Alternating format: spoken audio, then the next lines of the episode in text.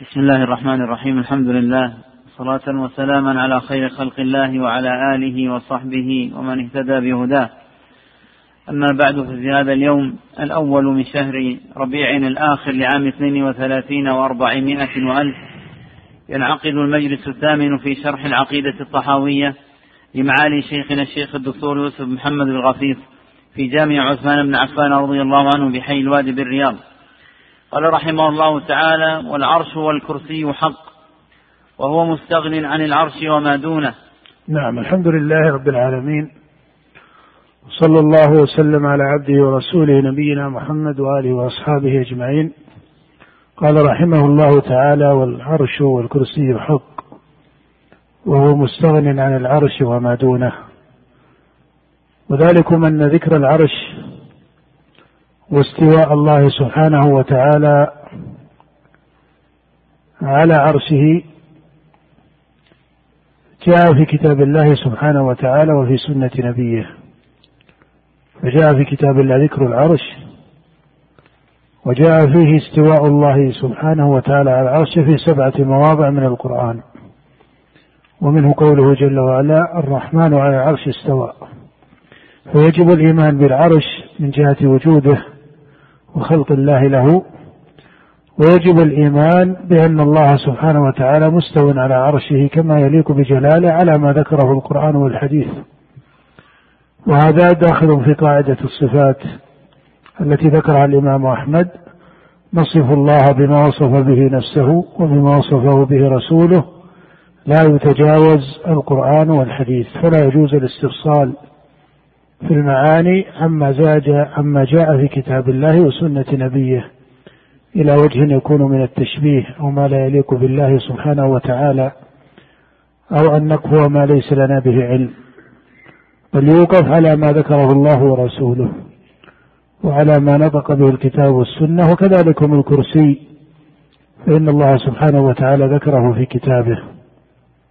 نعم. قال وهو مستغن عن العرش وما دونه. وذلكم أن العرش سقف المخلوقات ومن هنا ذكره المصنف على هذا التقدير. قال وهو أي سبحانه وتعالى مستغن عن العرش وما دونه فإن العرش هو سقف المخلوقات. والله جل وعلا هو الغني عن سائر خلقه. نعم. قال رحمه الله تعالى محيط بكل شيء وفوقه وقد أعجز عن الإحاطة خلقه نعم أي أن الله سبحانه وتعالى قد أحاط بكل شيء علما وأحاط بكل شيء تدبيرا وأحاط بكل شيء تصريفا. وأعجز خلقه عن الإحاطة به. بل أعجز خلقه عن الإحاطة فإن هذا من الممتنع. أن العباد يحيطون بالله علما هذا من الممتنع عليهم. بل إن الله أعجز الخلق عن أن يحيطوا بالخلق. فليس أحد من الخلق من الملائكة ولا الأنبياء ولا غيرهم ممن خلق الله مما نعلم ومما لا نعلم وممن نعلم وممن لا نعلم. قول بعض الكهنة لا أحد من خلق الله ولا قبيلة من خلق الله لا منفردين ولا مجتمعين يستطيعون أن يحيطوا بالخلق. تدبيرا أو قدرة أو علما أو ما إلى ذلك. ففي حقه سبحانه وتعالى هذا من أعظم الممتنعات. نعم. قال ونقول إن الله اتخذ إبراهيم خليلا وكلم الله موسى تكليما. نعم ونقول إن الله اتخذ إبراهيم خليلا كما قال الله تعالى في كتابه وكلم موسى تكليما ولما جاء موسى لميقاتنا وكلمه ربه وذكر هاتين الجملتين لأنه نقل عن جهم بن صفوان من قدماء النظار أنه كان يقول إن الله لم يتخذ إبراهيم خليلا ولم يكلم موسى تكليما لأنه كان يتأول باب الصفات. كان يتأول باب الصفات. فاتخذ الله إبراهيم خليلا أي محب من محبته سبحانه وتعالى لعبده ونبيه إبراهيم جعله الله خليلا له. والله سبحانه وتعالى موصوف بالمحبة. قال الله تعالى فسوف يأتي الله بقوم يحبهم ويحبونه. فالله جل وعلا يحب التوابين ويحب المتطهرين ويحب المؤمنين ويحب أنبياءه محبة تليق بجلاله ويعلم جزما وقطعا شرعا وعقلا أنها ليست كمحبة المخلوق للمخلوق. ليست كمحبة المخلوقين فإن الله منزه عن جميع صفات المخلوقين منزه عن جميع صفات المخلوقين. فإن قيل فإن المحبة من صفات المخلوقين قيل ليس المحبة من حيث هي مطلقة من صفات المخلوقين. إنما الذي هو من صفات المخلوقين محبتهم. وإلا المحبة من حيث هي مطلقة ليست من صفات المخلوقين. ولذلك اتصف الله بها. كما في قوله يحبهم ويحبونه. وإنما الذي من صفات المخلوقين ما يختص بهم وهي محبتهم. محبة المخلوق وفعله وهذا يختص به. والاشتراك في الاسم المطلق لا يستلزم التطابق في الحقيقة عند الإضافة والتخصيص. الاشتراك في الاسم المطلق وهو اسم المحبة. إذا قلت محبة مطلقة ما أضفتها ولا خصصتها فهذا اسم مطلق. الاشتراك في الاسم المطلق ليس هو التطابق أو لا يستلزم التطابق في الحقيقة عند الإضافة والتخصيص. والاشتراك في الاسم المطلق ليس هو التشبيه الذي نفته النصوص. في قول الله تعالى ليس كمثله شيء.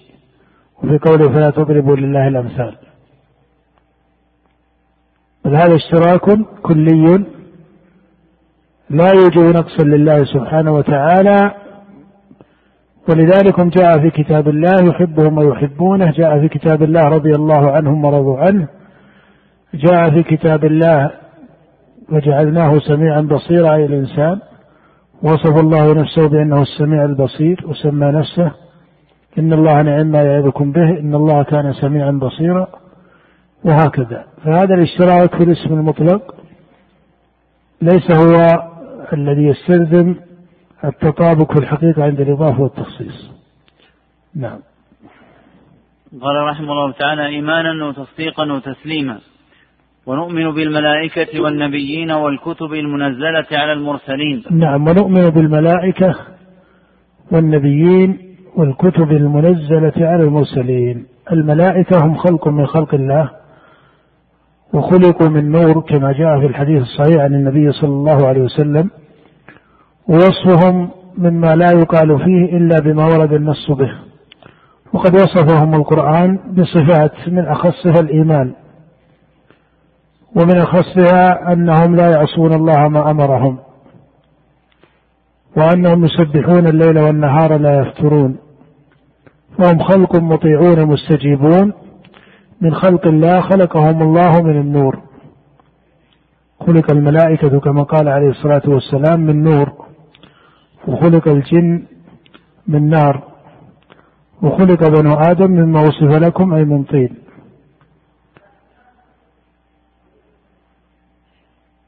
وكذلك هم النبيين وهم بشر من خلق الله سبحانه وتعالى من الناس اصطفاهم الله بالنبوة وسمى لنا الله في كتابه سلفا منهم إلى أن جاء خاتمهم محمد صلى الله عليه وسلم. وكذلك الكتب المنزلة على الرسل عليهم الصلاة والسلام وهي وحي الله وكلامه سبحانه وتعالى لرسله كالتوراة والإنجيل والقرآن. والإيمان بالملائكة والكتب والنبيين يكون مجملا باعتبار أصله ويكون مفصلا بحسب ما ورد النص به. نعم. قال رحمه الله تعالى ونشهد أنهم كانوا على الحق المبين. ونسمي أهل قبلتنا مسلمين مؤمنين ما داموا بما جاء به النبي صلى الله عليه وعلى آله وسلم معترفين وله بكل ما قال وأخبر مصدقين. نعم ونسمي أهل قبلتنا أي أهل القبلة مسلمين. وأهل القبلة لهم أسماء. في كتاب الله وسنة نبيه صلى الله عليه وسلم منها الإسلام وهو أخصها من جهة أنه متصل بجميع أهل القبلة.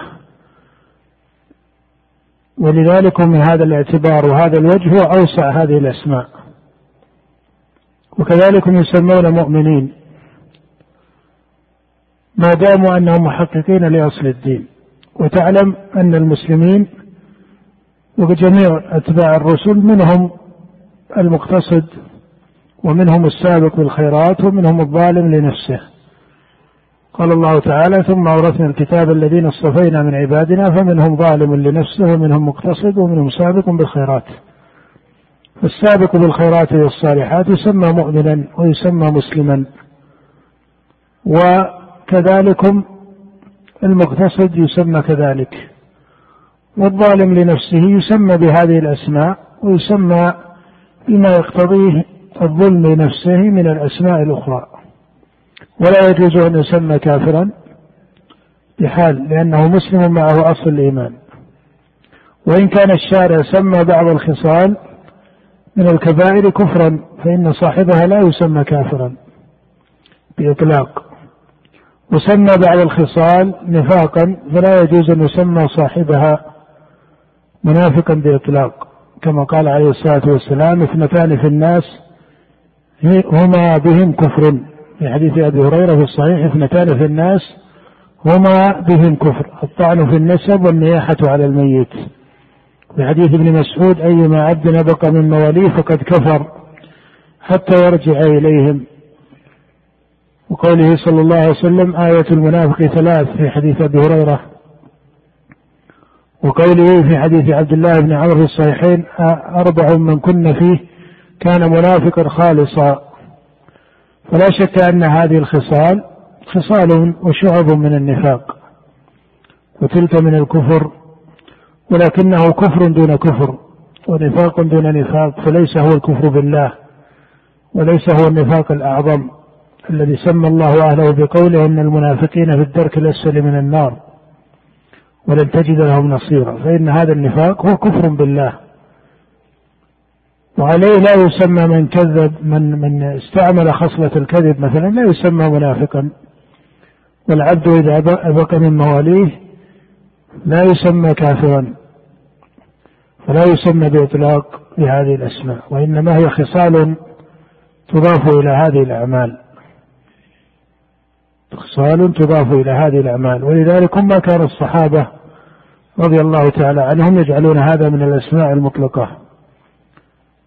وإنما الفاسق الملي الفاسق الملي أي من أهل الملة من المسلمين يسمى فاسقا إذا قام السبب. ويسمى مؤمنا إذا قام السبب. والأصل في اسمه أنه مسلم. فمرتكب الكبيرة وصاحب الكبائر من المسلمين هل يسمى مسلما أو يسمى مؤمنا أو يسمى فاسقا؟ نقول هذه الأسماء الثلاثة تتصل به. جميع هذه الأسماء الثلاثة تتصل به. الأصل منها فيه أنه مسلم. ولا يجوز أن يهجر اسم الإسلام في حقه ولا يسمى إلا فاسقا. فهذا وجه من التشدد والتنطع في الدين. بل يسمى مسلما وهو داخل في الإيمان أيضا ولذلك في خطاب الله للمؤمنين هو داخل فيه. يا أيها الذين آمنوا كتب عليكم الصيام. هذا خطاب لجميع المؤمنين ومن المؤمنين من كان مع وصل الإيمان ولو كان فاسقا. فاسم الإيمان يسمى به إذا قام سببه. واسم الفسق يسمى به إذا قام سببه. أما إذا نظرت الأصل فيه فإنه إيش؟ أنه مسلم. ولذلك إذا قام سببه قيل هو مؤمن بأصل إيمانه. ومما وصل الإيمان يسمى مؤمنا من هذا الوجه. كما قال النبي عن الجارية لما قالت إن الله في السماء وإن محمد رسول الله قال أتقها فإنها مؤمنة. وقال سعد يا رسول الله أعط فلانا فإنه مؤمن. فقال النبي صلى الله عليه وسلم أو مسلم. فالمقصود هنا أن اسم الإيمان يتصل بمرتكب الكبيرة وهذا مجمع عليه عند أئمة السنة والجماعة خلافا للمعتزلة.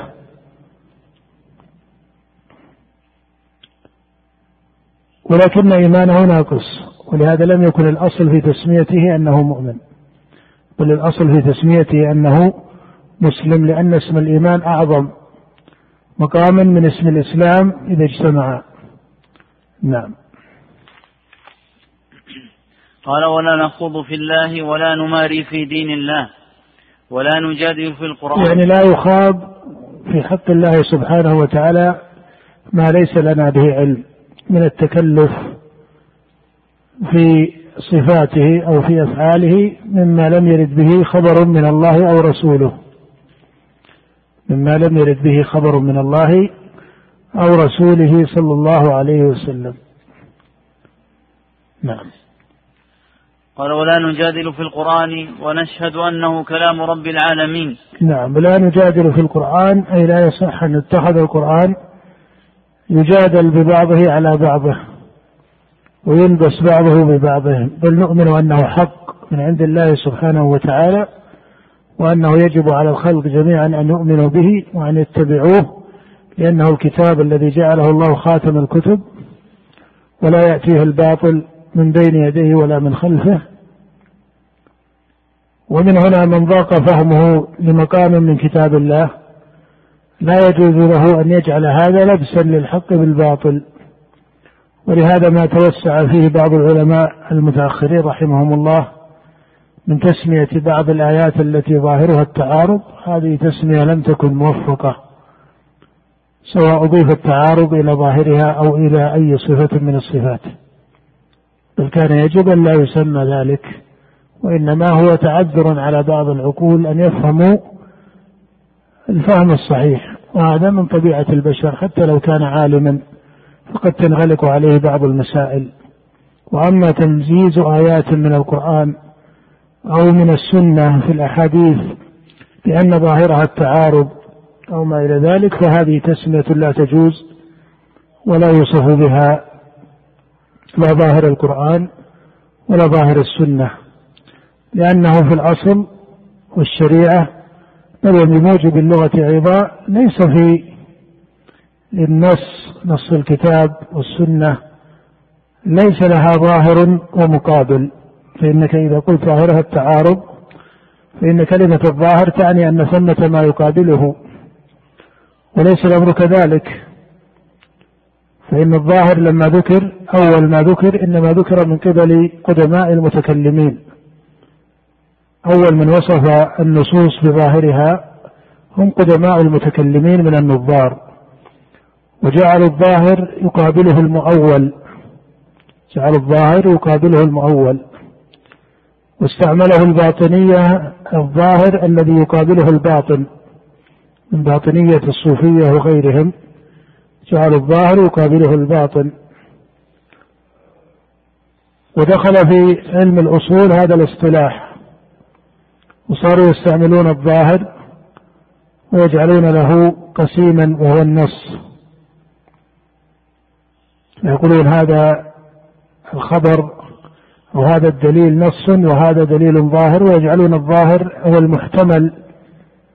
الذي يحتمل أكثر من وجه ولكنه في أحد هذه الأوجه أظهر. هذا يسمونه ظاهرا. أما إذا كان لا يحتمل إلا وجها واحدا من الدلالة سموه نصا.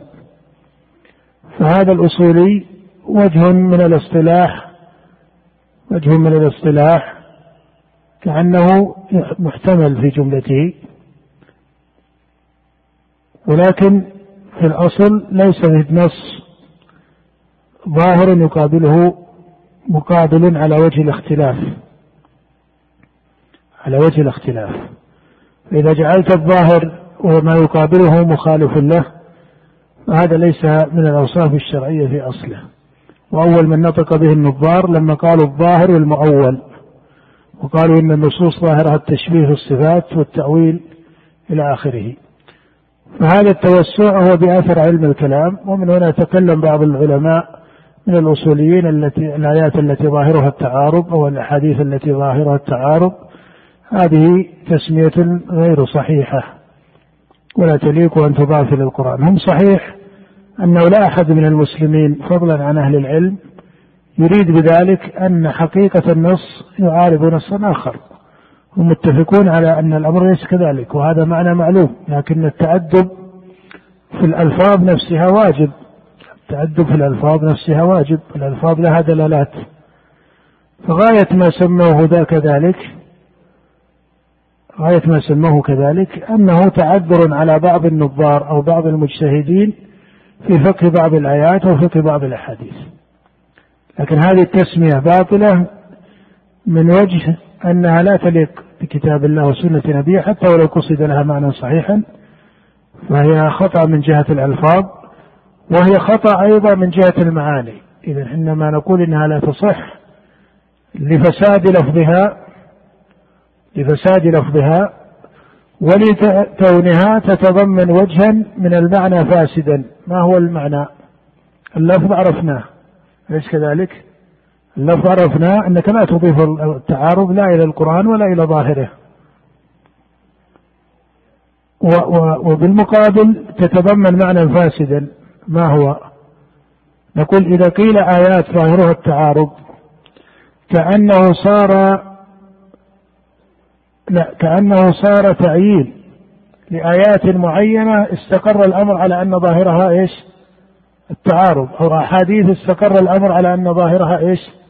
التعارض. مع أن حقيقة ما يقصد هنا أنه تعارض عرض لطائفة من أهل العلم في هذه الآية والحديث.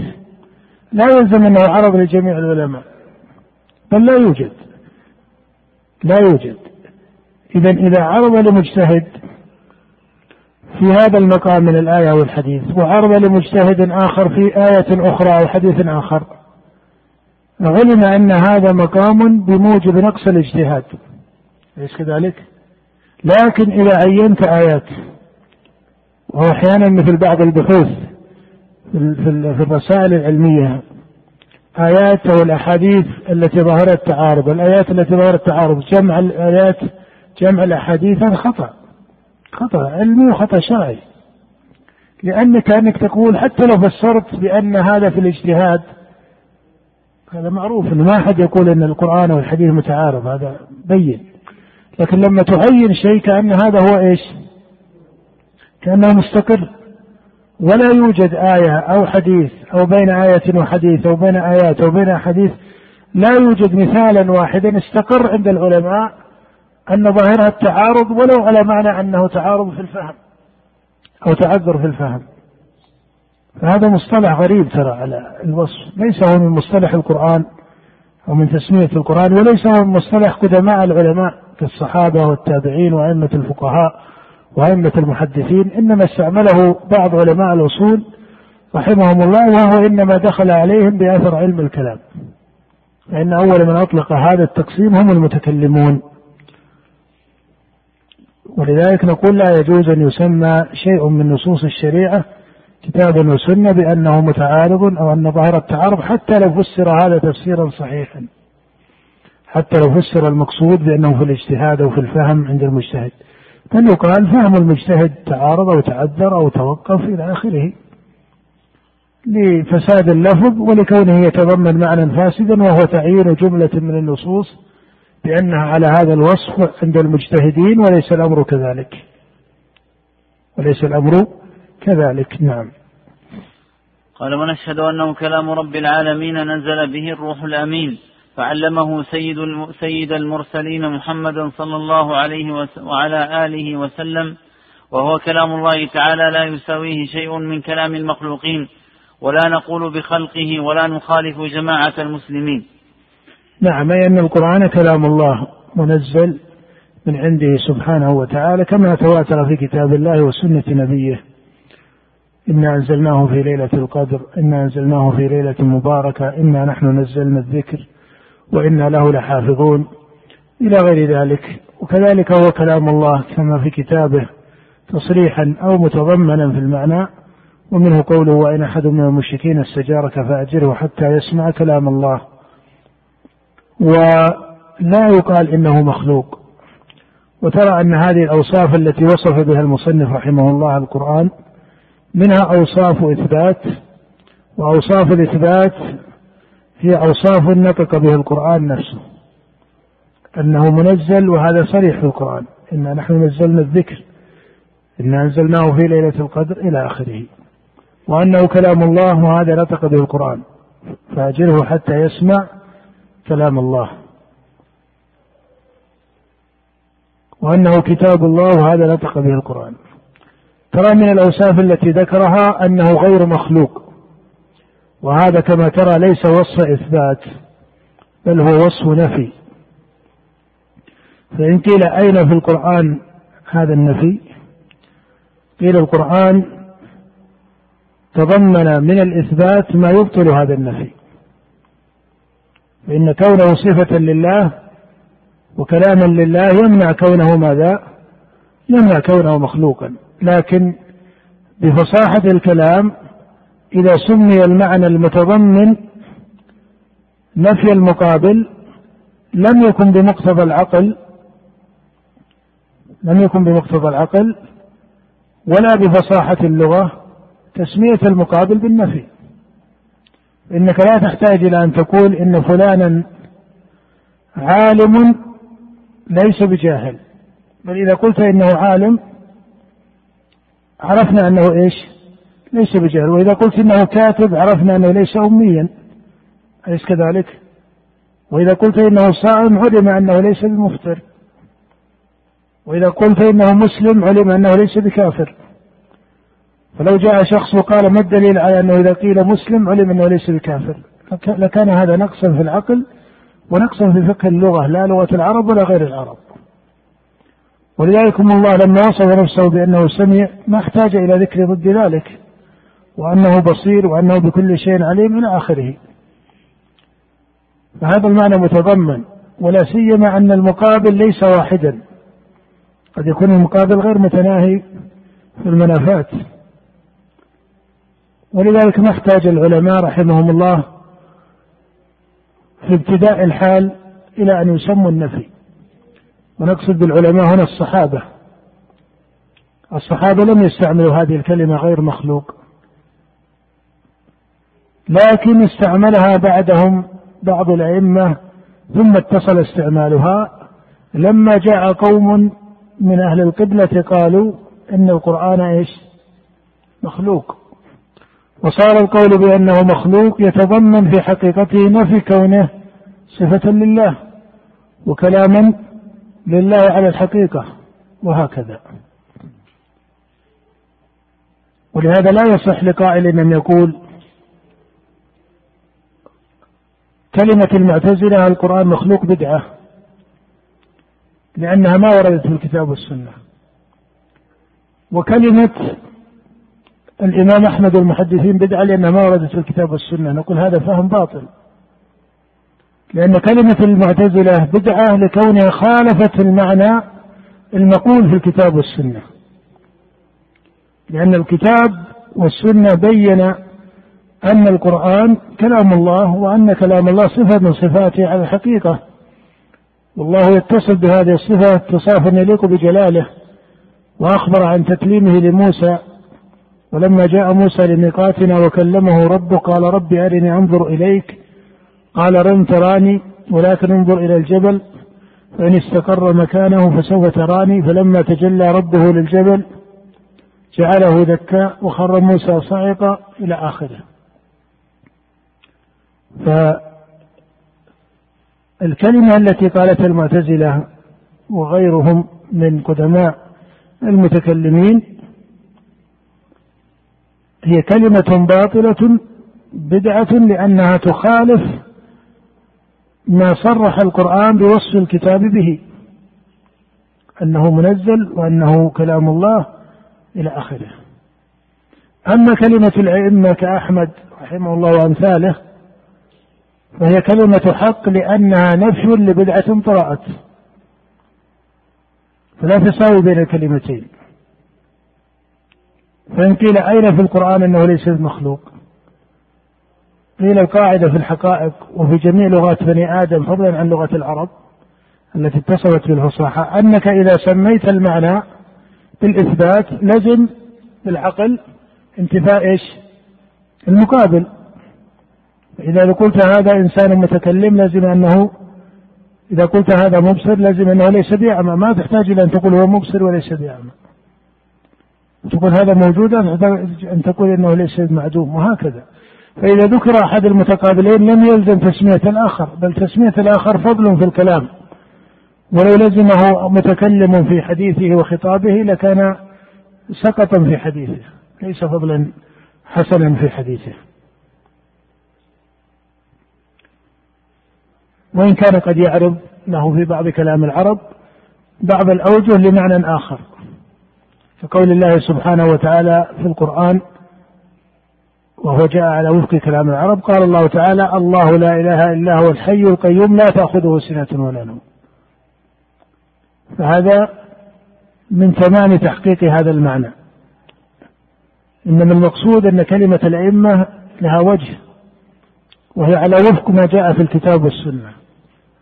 وهي تصريح بالمقابل بالنفي لما جاء قوم استعملوا خلاف ما تضمنه القرآن. ولذلك هم الإمام أحمد لما نظر ابن أبي دؤاد قال له هذه الكلمة القرآن مخلوق أهي من الدين أو ليست من الدين؟ فقال ابن أبي دؤاد هي من الدين. قال أهي في كتاب الله أو سنة نبيه؟ وفي رواية هل عرف هذا النبي وأبو بكر وعمر وعثمان وعلي أو لم يعرفوه؟ فقال عرفوه قال أين هو في كلامهم يعني أين في القرآن هذا؟ فأعاد ابن أبي دؤاد بعد ذلك. انقطع ابن أبي دؤاد هنا. أعاد ابن أبي دؤاد بعد ذلك نفس السؤال عن الإمام أحمد. وقال القرآن ليس بمخلوق أهو من الدين. أو ليس من الدين قال الإمام أحمد من الدين. قال أهو في الكتاب والسنة أو هو في كلام النبي. قال الإمام أحمد نعم. لماذا؟ لأن المعنى في أصله مثبت هو نفي للمقابل ليس إلا. ولذلك لو قيل في هذا المقام بأنه يترك هذا وهذا لكان حقا متى إذا لم تكن بدعة تنافي ذلك. ولذلك في الجواب الآخر عن الذي قاله الإمام أحمد بن أبي دواد لما قال أين كلمة القرآن ليس المخلوق يعني أين التصريح بالنفي؟ ماذا قال الإمام أحمد؟ قال اسكت ونسكت يعني إنما قال أحمد وغيره من أئمة السنة هذا نفيا لبدعة طرأت. ولذلك هم الصحابة لم يقولوا هذه الكلمة في حروفهم لأنهم احتاجوا إليها لأنه لم توجد بدعة تقابل ما دل عليه القرآن والحديث. إذا هذا معنى بين ولكن كل هذا معنى بين. ومن هنا نهى العلم عن التوقف. كانت نفوسهم لما صار بعض النظار يقولون نقول بالتوقف. أنه مفرد. لا نقول هذه الكلمة ولا هذه الكلمة. حية الغسل هذا التوقف خطأ. عند الإحدى لأنه لما قام السبب لزم الإفصاح بحقيقة المعنى. ولذلك ما لأن التوقف قد يكون ينشأ عن ماذا؟ عن تردد. في مسكنه بين الحالين. وهل يكفيه ذلك؟ التردد بين الحالين تردد في الأصل. عمرة. تردد لازم على الأصل. هذا المعنى من المعاني الظاهرة. لا يقع فيها لبس. نعم. قال رحمه الله تعالى ولا نكفر أحدا من أهل القبلة بذنب ما لم يستحلنا. ولا نكفر أحدا من أهل القبلة بذنب. الذنب اسم مطلق هنا. وأراد رحمه الله ما دون الكفر بالله والشرك. وإلا الذنب قد يراد به الكفر.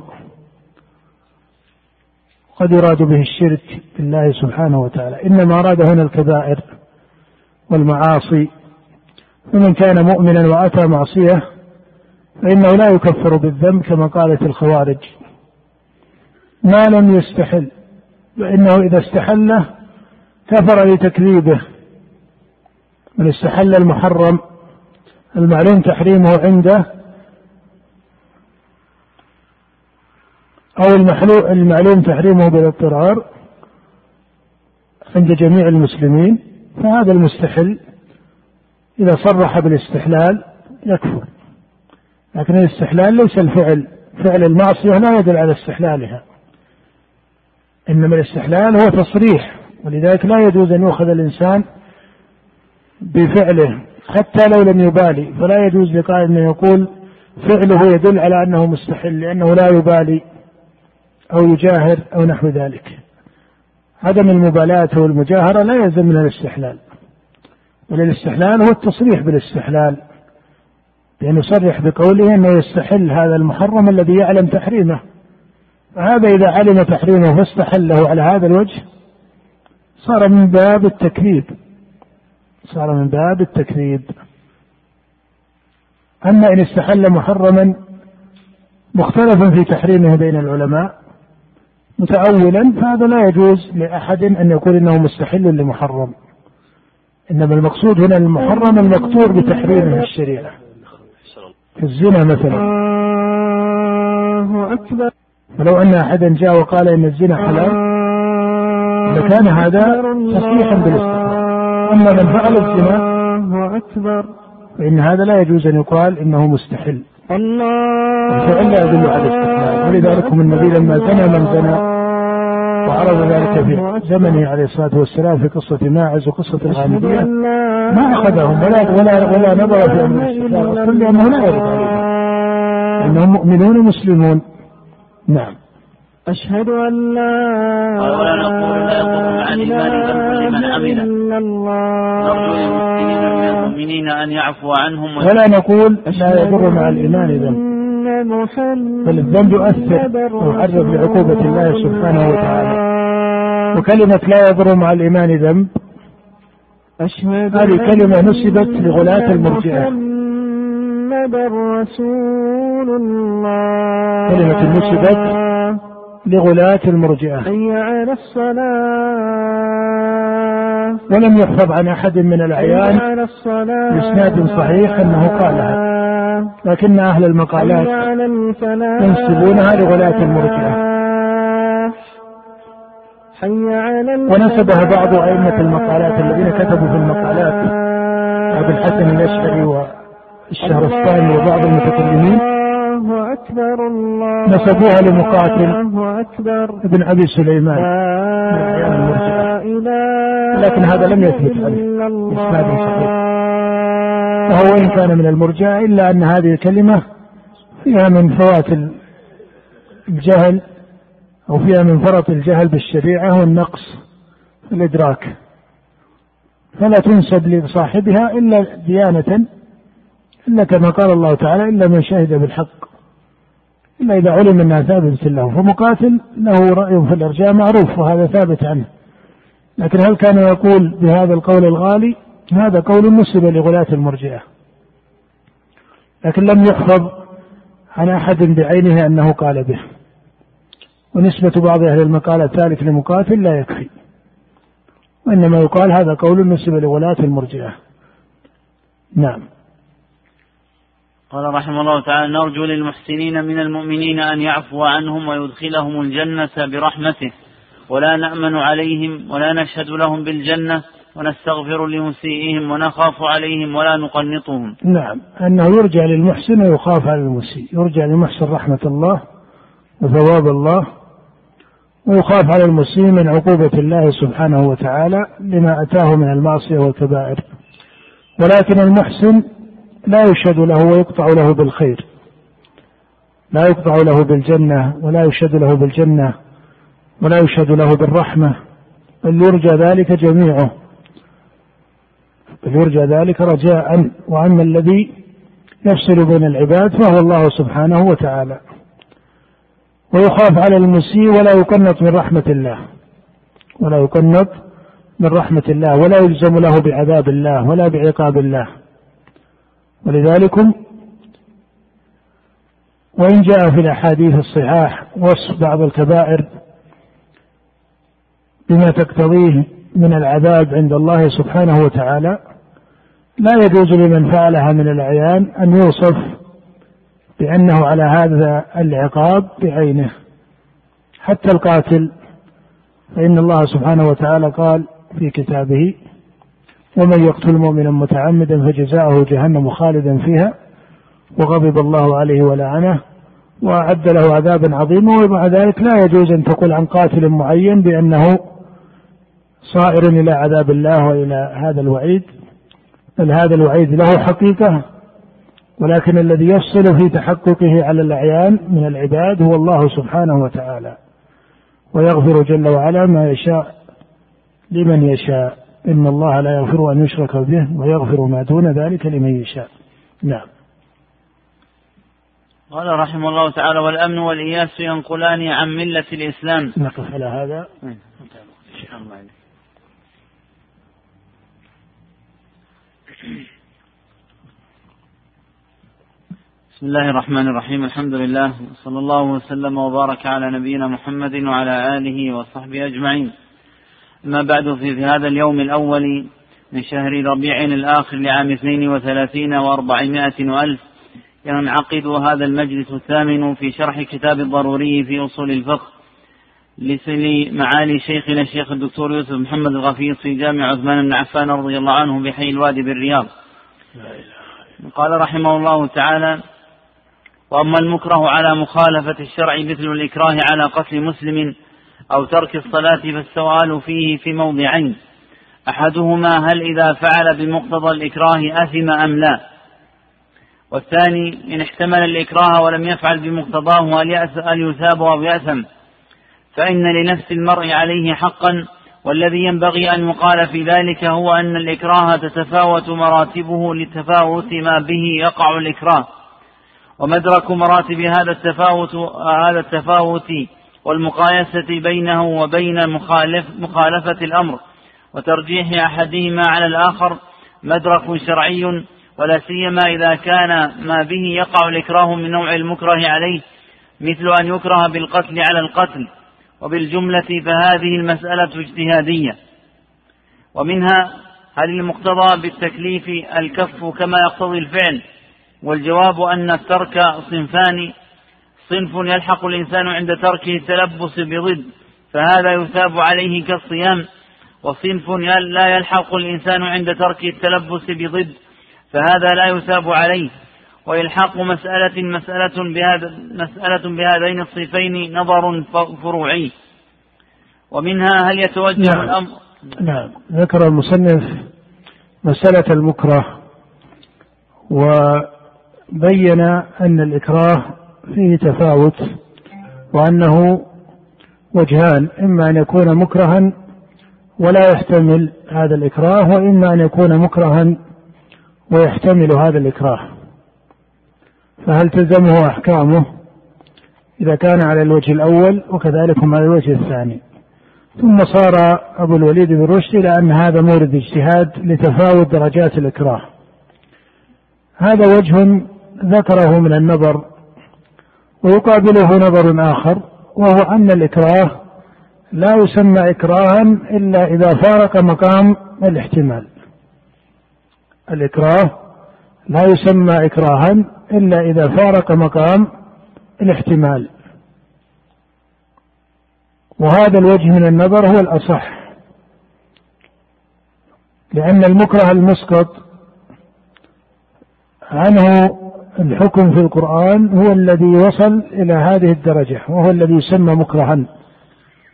قال الله تعالى من كفر بالله من بعد إيمانه إلا من أكره وقلبه مطمئن بالإيمان. وأما من دعي إلى فعل المعصية أو فعل الخطيئة وألزم بهذا نوع إلزام يحتمله ويحتمل فواته. فوات هذا الضرر. فإن هذا لا يسمى مكرها. كما لو حبس بعض الشيء عن أكله أو حبس بعض الشيء عن شربه. بما لا يؤدي إلى هلكة وإنما تفوت به عادته أو تفوت به بعض مصلحته. فهذا لا يسمى مكرها. إنما المكره هو الذي يصير إلى الهلكة ونحوها. فإذا النظر الذي ذكره أبو الوليد وأن المكره يكون فيما يحتمل أو على ما أكره على أمر يحتمله على أمر لا يحتمله. هذان وجهان من حيث التقسيم النظري واردة لكن من حيث الحقيقة هذا فيه بعد. والصحيح من من حيث النظر أن الإكراه المذكور في كتاب الله سبحانه وتعالى هو الإكراه الذي لا يقع معه احتمال وهذا هو الذي أسقط أمره. وهل هذا في الأقوال والأفعال أم هو في الأقوال وحدها؟ الجمهور من العلماء يقولون هو في الأقوال والأفعال. وروي عن ابن عباس وطائفة أنه يكون في الأقوال دون الأفعال. أنه يكون في الأقوال دون الأفعال. ولكن إذا تضمن الإكراه الذي لا يحتمله تضمن ضررا متعديا مكافئا لما أكره عليه فإنه بإجماع العلماء لا يصير إليه.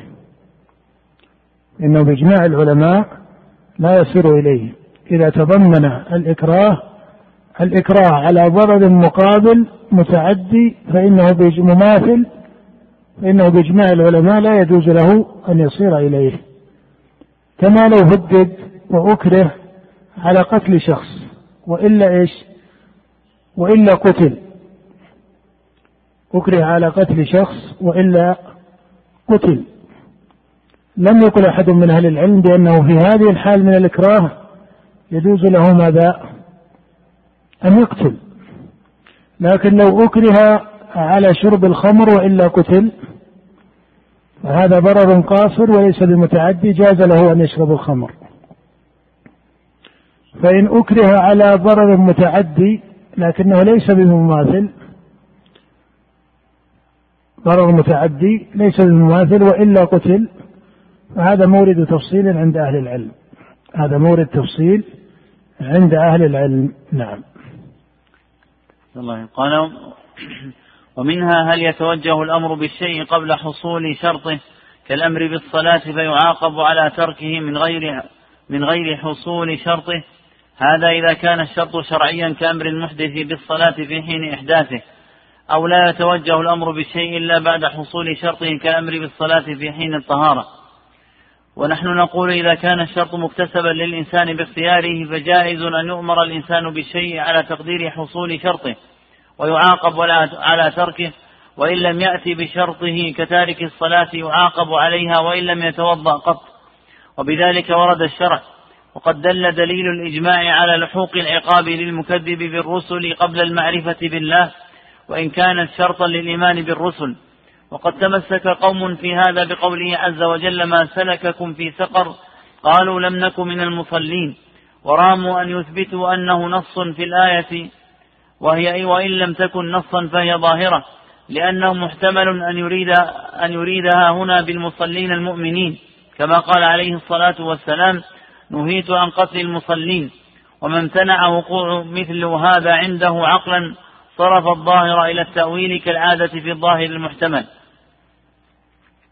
نعم هذه المسألة وهي مسألة هل يتوجه الأمر بالشيء أو تقول هل يقع الأمر بالشيء قبل وجود شرطه؟ يقال هنا من حيث الأصوليين يذكرون هذا أو الأصوليون يذكرون هذا من حيث النظر العقلي ومن حيث الشرع. أما من حيث الشرع وهو المقصود هنا فنقول هذا الشرط هذا الشرط إما أن يكون مكتسبا للإنسان وإما أن يكون ليس من اكتسابه واختياره. فإن كان من اكتسابه واختياره كالشرط الذي ذكره المصنف وهو الطهارة في الصلاة.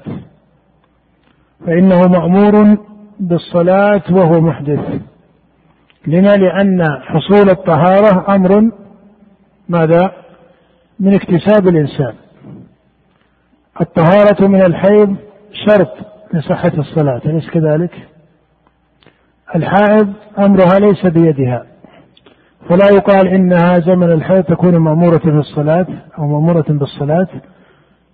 العاجز عن الحج لا يكون مأمورا بالحج ومعنى كونه لا يكون مأمورا ليس معنى أنه لا يكون مخاطبا ببذل وسعه له وإنما لو أنه أدركه الموت فإنه لا يقال إنه مات وقد ترك ما أمر به. بخلاف من كان الشرط محلا لاكتسابه واختياره ثم تركه فهذا يكون قد وقع عليه الأمر. إذا هل يتوجه كما قال المصنف الأمر بالشيء مع أو قبل حصول شرطه؟ هل يتوجه الأمر بالشيء بالشريعة قبل حصول شرطه. نقول الشرط هنا وجهان. إما أن يكون شرطا مكتسبا اختياريا أو يكون بضد ذلك. فإن كان شرطا مكتسبا اختياريا كالطهارة من الحدث لأعيان أو للمكلف المعتاد فهذا يتوجه الأمر عليه قبل حصول الشرط. وإن كان الشرط ليس مما هو مكتسب له وليس هو من الاختيار له فإنه لا يقع عليه الأمر قبل حصول الشرط. نعم. قال رحمه الله تعالى وقد احتج من منع التكليف بمثل هذا بأنه لا معنى لوجوب الزكاة وقضاء الصلاة مع استحالة وقوعهما فكيف يجب ما لا يمكن امتثاله؟ وهؤلاء القوم اشتبه عليهم الشرط الشرعي بالشرط الوجودي وليس الأمر كذلك فهذا المكلف إنما يتوجه إليه الأمر بالشيء قبل حصول شرطه نعم كأنه أراد بالشرط الشرعي أي الذي شرع اكتسابه والشرط الوجودي هو الذي لا اكتساب فيه. ليس المراد بالشرعي هنا ما يكون مقبولا في الشريعة وبالثاني ما يقابل الشرعي. بل يقابل الشرعي هنا أراد بذلك الشرعي هو الذي شرع اكتسابه ولهذا أمر بالصلاة كما في قول الله أمر بالطهارة في الصلاة. كما في قول الله تعالى يا أيها الذين آمنوا إذا قمتم إلى الصلاة فاغسلوا وجوهكم. هذا أمر بالشرط الشرعي الذي هو الشرط المكتسب. لكن في الطهارة من الحيض المرأة لا يمكن أن تكلف أن تبرأ من الحيض قبل برئها فيه من جهة الشرط الوجودي. لأن هذا أمر كما قال النبي كتبه الله على بنات آدم ليس بيدها رفعه حتى يرتفع وجودا. بخلاف المحدث حدثا أصغر فإن بيده رفع الحدث لأنه أمر اكتسابي. نعم. قال رحمه الله تعالى وهؤلاء القوم اشتبه عليهم الشرط الشرعي بالشرط الوجودي وليس الأمر كذلك فهذا المكلف إنما يتوجه إليه الأمر بالشيء قبل حصول شرطه على تقدير حصول شرطه وهو مستطاع له ومكتسب بخلاف الشرط الوجودي. أما احتجاجهم بأن الكافر إذا أسلم انتفى وجوب الصلاة والزكاة عنه فلا حجة فيه لأن مصيرنا إلى سقوط وجوبها بالإسلام. إنما هو بدليل الشرع وإنما أوجبنا القضاء على المرتد دون الكافر لأن القضاء إنما يجب بأمر مجرد فليتبع فيه الدليل الشرعي. ولذلك قد يؤمر بالقضاء من لا يؤمر بالأداء وقد يؤمر بالأداء من لا يؤمر بالقضاء. ومما يلحقون بهذا الباب مسألة رابعة وهي كما أنه لا يجوز إتيان الأمر بالجمع بين الضدين كذلك لا يجوز إتيان الأمر بالتخلي عنهما. إذا لم يكن بينهما وسط ولكن ها هنا فيما زعموا مسائل جزئية توقع شكا في هذه المسألة الكلية وهي من توسط أرضا مزرعة مغصوبة فيحرم عليه. فيحرم عليه المكث ويحرم عليه فيحرم عليه المكث ويحرم عليه الخروج إذ في كل واحد فساد زرع الغير فهو عاص بأيهما فعل هذا التمثيل في مثل هذا الأمثلة يقع في بعض كتب علماء الأصول رحمهم الله وأنت ترى أن المثال على قاعدة أو على جزئي من القاعدة الكلية ترى أن المثال مثال ضيق. أليس كذلك؟ ضيق من جهة ندرة وقوع مثل هذا. أن إنسانا يتوسط ومن الذي وسطه؟ يعني كيف أنه جاء وتوسط إلى أن صار ثم يأتي هنا مطالبة الحكم أن مكثه مشكل وأن خروجه سيكون فيه إفساد مشكل. هذا المثال ظاهر أنه مثال ضيق. هذه الأمثلة الضيقة السبب فيها أن البعض من كتب الأصول آه، استعمل فيها المنهج أو اعتمدت على منهج النظر الذي آه، بني عليه علم الكلام. ومن هنا جاء منهجا تجريديا لأنه يقوم على العقل التجريدي بعيدا عن التطبيق وكثرة التطبيق. وإلا فحق القاعدة الأصولية بل حق الفرع الأصولي ليكون فرعا أصوليا فضلا عن كونه قاعدة أصولية حقه أن يكون عليه من حيث الأمثلة أمثلة مستطيبة الحال ليست أمثلة ضيقة الحال. تكون أمثلة ظاهرة وبينة الوقوع. كأن تقول لو أن رجلا صلى كذا ولو أن رجلا أخرج زكاته إلى غني فهل تجزئه؟ هذه أمثلة لا ترى أنها أمثلة ضيقة أمثلة واقعة أليس كذلك؟ لكن أنها يأتي مثال مغلق ليكون محركا لفهم القاعدة أو تصوير صحيح القاعدة والجزء من القاعدة. هذا منهج بأثر علم الكلام وليس هو منهج صحيح ويقود إلى كثير من اللبس. نعم.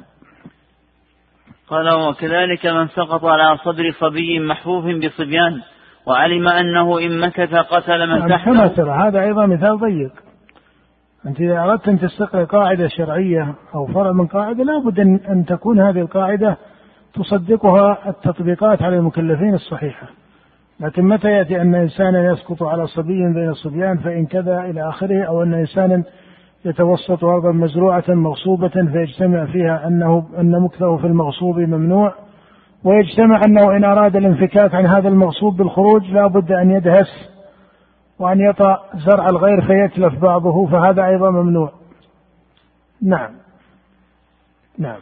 قال ومثل هذه المسائل فهي اجتهادية وليست مما يوقع شكا في أنه لا يجوز ورود الأمر بالتخلي عن الضدين. ويشبه أن يقال فيها هو غير مكلف. هذا ما سماه بعض علماء الأصول رحمهم الله بتكليف ما لا يطاق. بتكليف ما لا يطاق. وهذا أشبه ما يكون بالنقيضين. الأمثلة التي ذكرها أبو الوليد هي أشبه ما تكون بالنقيضين وهي محل مقصود من قال تكليف ما لا يطاق. وإلا الأصل في المنطق وابن رشد من العارفين به ومن أئمته أن الضدين لا يجتمعان ولكنهما يرتفعان يصح ارتفاعهما. لكن الشيء الذي لا تستطيع أن تنفك عن أحدهما هو ما كان من باب النقيضين فإنهما لا يجتمعان ولا ولا يرتفعان. المثال الذي يذكره هنا من باب النقيضين في حقيقته. كأن المصنف إنما قال من الضدين من باب التجوز. وإلا ليتم له المعنى الذي يريده هو ما كان من باب النقيضين. لأنه بين أمرين إما أن يمكث في الأرض أو يقابله ماذا؟ أن يتحرك. إما أن يسكن أو يتحرك. الحركة والسكون من باب إيش؟ النقيضين. فهو إن بقي في الأرض فهو بقي في مغصوب وإن تحرك وطع الزرع الغير فأهلكه فهذا من النقيضين. لا يجتمعان ولا يرتفعان. أما إذا توسط بينها شيء فهذا من باب الضدين. هذا من باب الضدين وليس هو المقصود في هذا الترتيب. نعم. قال ويشبه أن يقال فيها هو غير مكلف في هذه الحال ويشبه أن يقال في المسألة الأولى يخرج لتقليل الضرر وفي الثانية يمكث فإن الانتقال فعل مستأنف لا نعم. يصح. إذا قال يشبه أن يقال إنه ليس بمكلف في هذه الحال لوجود العجز ويشبه أن يقال أنه ينظر وهذا مقتضى الحكم الشرعي أنه إذا اضطر إلى أمرين ممنوعين في الشريعة هذا هو توجيه القاعدة على حقيقتها.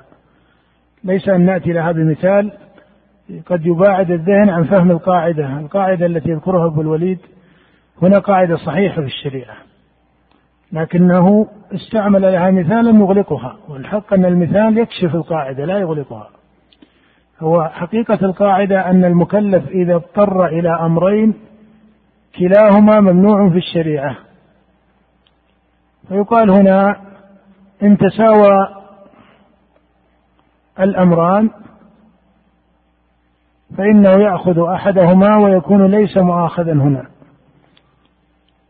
ولا يكون عليه تكليف من جهة اختار المصنف هنا التعبير بكلمة ليس بمكلف ليقابل بها قول من يقول من الأصوليين بتكليف ما لا يطاق. وكلمة أنه مكلف وليس بمكلف فيها إجمال من جهة المقصود بها. لكن من حيث الحقيقة الشرعية يعلم عند جميع العلماء وجميع الأصوليين حتى النظار منهم يعلم أنه ليس مؤاخذا بل هو معذور. وأما إن كان الذي اضطر إليه مما منعته الشريعة بين درجتيه فرق فإنه يصير إلى أخفهما فإذا اضطر إنسان لأمرين كلاهما في الشريعة نقول إن تساويا فعل واحد منهما. أليس كذلك؟ إن تساويا فعل واحد منهما. وإن اختلفت درجتهما فعل الأخف منهما. وإن اختلفت الدرجة فعل الأخف منهما. كما لو اضطر مثلا إلى خمر. شديدة الإسكار. وبين يديه خمر آخر ليس شديد الإسكار. وهو هنا اضطر إلى أمرين كلاهما إيش؟ ممنوع في الشريعة. أليس كذلك؟ لا يجوز له أن يأتي الأشد مع وجود الأخف. وهكذا.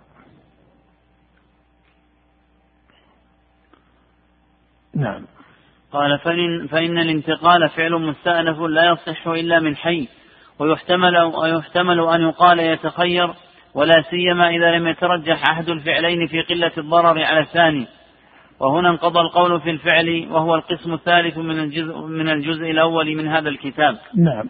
نقف على هذا وبالله التوفيق صلى الله وسلم على نبينا محمد وآله وأصحابه أجمعين. سؤال من البث نقرأ. أعطني السؤال. هذا فيه دروس